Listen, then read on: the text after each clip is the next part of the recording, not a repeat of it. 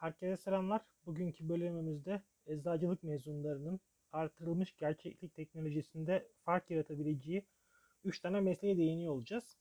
E tabi bunları hep evlilik üzerinden söylüyorum ve belirtiyorum. Çünkü şöyle bir şey var arkadaşlar. Yani bu meslekler kesin değil. Yani bunları kesin yapacaksınız diye bir şey yok. Ama açıkçası günümüz dünyasındaki raporlar, çeşitli analizler gösteriyor ki bunlar bir eczacılık mezunu için güzel imkanlar. Peki nedir bunlar? Bunların ilki görsel hikayeleştiricisi. İkinci mesleğimiz ise bu noktada aynı şekilde gerçeklik tasarımcısı. Bir diğer üçüncü önemli ba- başlık ve e, meslek ise diyelim burada sanal ürün geliştirme danışmanı. Şimdi peki nedir bunlar ve burada eczacılar nasıl fark yaratabilir? Biraz bunlara değinelim. Şimdi görsel hikayeleştiricisi özellikle bundan birkaç yıl sonra artırılmış gerçekliğin ilaç endüstrisindeki rolüyle birlikte daha önemli hale gelecek. Yani şöyle bir şey var. Artırılmış gerçeklikte o ilaçların kullanıcıda, da- işte danışmanda, hastada buna ne ad veriyorsak o kişideki etkileri üzerine bir takım hikaye anlatımı ön plana çıkacak. Ve sizler de bunu görsel tarafta yapabileceksiniz. Burada aslında biraz şundan bahsediyoruz. Geleneksel eczacılık anlayışının daha dışına çıkmak.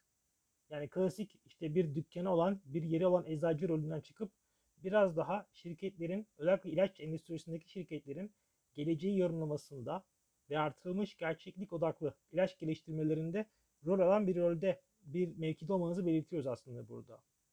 Bir diğer önemli meslek olan gerçeklik tasarımcısında ise olayın biraz daha strateji tarafında yer alacaksınız. Nedir bu? Özellikle de biraz daha ARGE tarafında geliştirilen ürünlerin yine tabii aynı şekilde artırılmış gerçeklik boyutuyla geliştirilen ürünlerin hangi olasılıkları elde edebileceği, artılarının neler olduğu, eksilerinin neler olduğu bu gibi insight'ları, içgörüleri şirketlere sunacaksınız. Burada aslında kendinizi biraz daha ARGE'ye ve aynı şekilde inovasyon birimlerine fikir üreten, fikir geliştiren biri olarak görebilirsiniz yani. Tabi burada sizin birkaç farklı boyutunuz olacak. Bunu yapmak için de şimdiden özellikle biraz daha endüstri mühendisliği tarafında da yer almanız önemli olabilir. Çünkü burada iki disiplinin yani hem eczacılık boyutunun hem endüstri mühendisliğinin birleşimini göreceksiniz.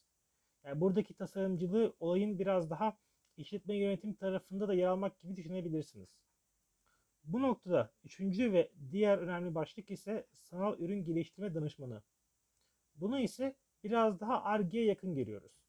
Yani bir önceki maddedeki gerçeklik tasarımcısı daha çok ikisinin kesişimi şeklindeydi. Ar-Ge ve inovasyon tarafının. Burada ise daha çok Ar-Ge'ye yakın çalışacaksınız. Sanal ürün geliştirme danışmanlığında.